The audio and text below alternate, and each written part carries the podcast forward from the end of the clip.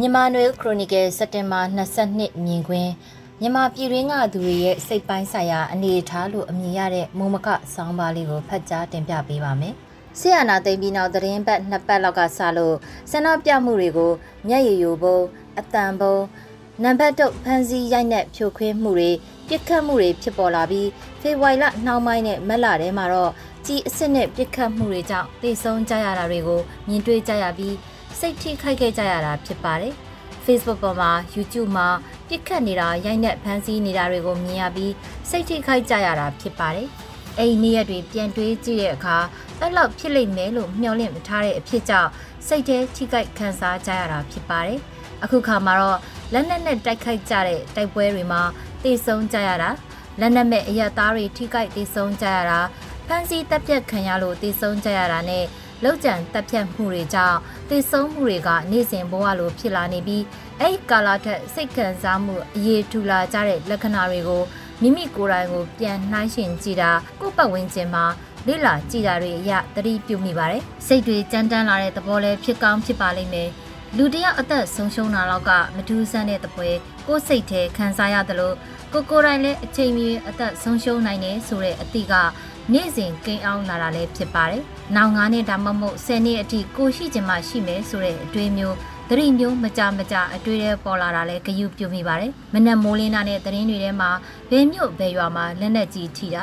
မိုင်းကွဲတာဖမ်းဆီးတပ်ဖြတ်တာစစ်ဆေးမင်းမြတ်နေဆိုတဲ့ခေါင်းစဉ်အောက်မှာအမှန်တကယ်တော့စစ်ဆေးမင်းမြတ်တာမဟုတ်ပဲနိုင်ငံရေးအရာစန့်ကျင်ဘက်အဖွဲ့ကမို့လို့လက်တုံပြန်တပ်ဖြတ်တာတွေကိုရင်းနေကြသတင်းစာသားတွေဖြစ်တဲ့စစ်ကြောရေးမှာအသက်ဆုံးရှုံးမိသားစုကိုအလောင်းလာထုတ်ဖို့အကြောင်းကြားတယ်ဆိုတာလက်ဖက်ရည်ဆိုင်မှာထိုင်နေစဉ်အမိမသိတနတ်သမားကပြစ်တက်သွားတယ်ဆိုတဲ့မကြာခဏကြားနေကြအတုံးလုံးခေါင်းစဉ်တွေနဲ့တေဆုံးတဲ့သတင်း တက်ဖြတ်တဲ့သတင်းတွေကြားသိနေရတာကြောင့်လမ်းသွားရင်လဲဘယ်ချိန်ဘယ်နာကပောက်ကွဲမှုထဖြစ်မလဲဘယ်နေရာမှာပြစ်ခတ်မှုတွေဖြစ်မလဲဘယ်တော့စစ်ကောင်စီရဲ့ဖမ်းဆီးရိုက်နှက်တပ်ဖြတ်မှုနဲ့ကြုံမလဲဆိုတဲ့အတွေးတွေတွေးမိစေပြီးအဲ့ဒီအတွေးတွေကိုလည်းလုံးဝမဖြစ်နိုင်ဘူးလို့ကောင်းတဲ့ကပယ်ချလို့မရတဲ့သဘောမျိုးနားလည်ခံစားရပါတယ်။ခစ်ပြက်တဲ့နေထိုင်နေရတာကိုကိုကိုလည်းပြစ်မှတ်ထားသည်ဖြစ်စေမထားသည်ဖြစ်စေ ဘယ်ချိန်မှဆိုအသက်ဆုံးရှုံးနိုင်နေဆိုတဲ့အတွေးကိုတွေးထားရတဲ့သဘောနဲ့အဲ့ဒီအတွေးမျိုးကမကြမကြတွေးမိတာပါ။ကိုယ့်ရဲ့မိသားစုဝင်တွေကလည်းတယောက်ယောက်အချိန်မီကံကြမ္မာဇိုးနဲ့ကြုံတွေ့ရနိုင်ပါတယ်။တိုက်ပွဲဖြစ်မနေတဲ့မြို့ပေါ်မှာနေထိုင်တာမှုလို့လက်နက်ကင်တိုက်ပွဲရွာတွေဝင်စီးမိရှို့လေကြောင်းကပြစ်ခတ်နေတဲ့ဒေသကကျေးရွာကသူတွေထက်အများကြီးအငြင်းနေပါတာတော့အမှန်ပဲဖြစ်ပါတယ်။သူတို့အနေထားကိုတွေးမိတဲ့အခါ ကိုချင်းစာစိတ်စာနာတဲ့ခံစားမှုကဖြစ်ပေါ်လာတာပါ။ကိုကဘာကူညီနိုင်မလဲဆိုတာကနောက်ဆက်တွဲမိကွန်းတွေဖြစ်ပြီးလက်တွေ့မှာအဲ့ဒီလိုတက်ဖြတ်ခံနေရတဲ့အနေအထားကိုကိုလည်းမတားဆီးနိုင်တာကိုတွေ့ရပါတယ်။သူတို့ရဲ့အဖြစ်အပျက်တွေကိုသတင်းတွေထဲမှာတွေ့နေဖတ်နေရတဲ့အခါစိတ်ထဲနစ်နစ်နဲနဲခံစားရတာလည်းဖြစ်ပါတယ်။သေဆုံးမှုတွေစားဖို့ရိတ်ခါမရှိနိုင်ရေးဖြာရေးကုသဖို့ဆေးဝါးမရှိတဲ့အခြေအနေတွေဖက်ရကြားရရင် ပြင့်သက်ရှက်မိတာအခါကဖြစ်ပါတယ်။နိုင်ငံရေးပဋိပက္ခလောက်ကျန်တပ်ဖြတ်မှုသတင်းတွေကသာလူရဲ့စိတ်ကိုထိခိုက်စေတာမဟုတ်ပါဘူး။ရာဇဝတ်မှုကင်းတွေလူရဲ့မှုဓမြတိုက်မှုလူတက်မှုသတင်းတွေကလည်းနေ့စဉ်နေ့တိုင်းတနေရာနဲ့တနေရာမတူအောင်ဖြစ်ပွားနေပြီးရာဇဝတ်မှုကျူးလွန်တာတွေကိုတားဆီးနိုင်တာကျူးလွန်ပြီးတဲ့နောက်ပေါ်ထုတ်ဖမ်းဆီးနိုင်တာနေပါလာတာနဲ့အမျှလူလူတွေအနေနဲ့လဲ ကိုလဲကြုံတွေ့ရနိုင်နေဆိုတဲ့အတွေ့ကတဖြည်းဖြည်းမြင့်တက်လာတာတွေ့ရပါတယ်။ရာဇဝတ်မှုကျူးလွန်တာတွေကငွေပမာဏများတာမများတာအပေါ်မှာမူမတီတော့ပဲလွယ်ကူတဲ့လက်လန်းမိတဲ့ပြစ်မှတ်တွေကိုလုံနေကြတာလဲတွေ့နေရတာဖြစ်ပါတယ်။မြကြီးနားမှာပစ္စည်းအဟောင်းကောက်ယူသူကိုငွေ2000လောက်နဲ့ဓာတ်ထိုးတက်ဖြတ်ပြီးငွေယူခဲ့တဲ့အဖြစ်အပျက်ဖြစ်ခဲ့သလိုပြည်မနာမြို့မှာလည်းမုံတဲ့ချံကငွေ1000 2000လူယူဖို့အတွက်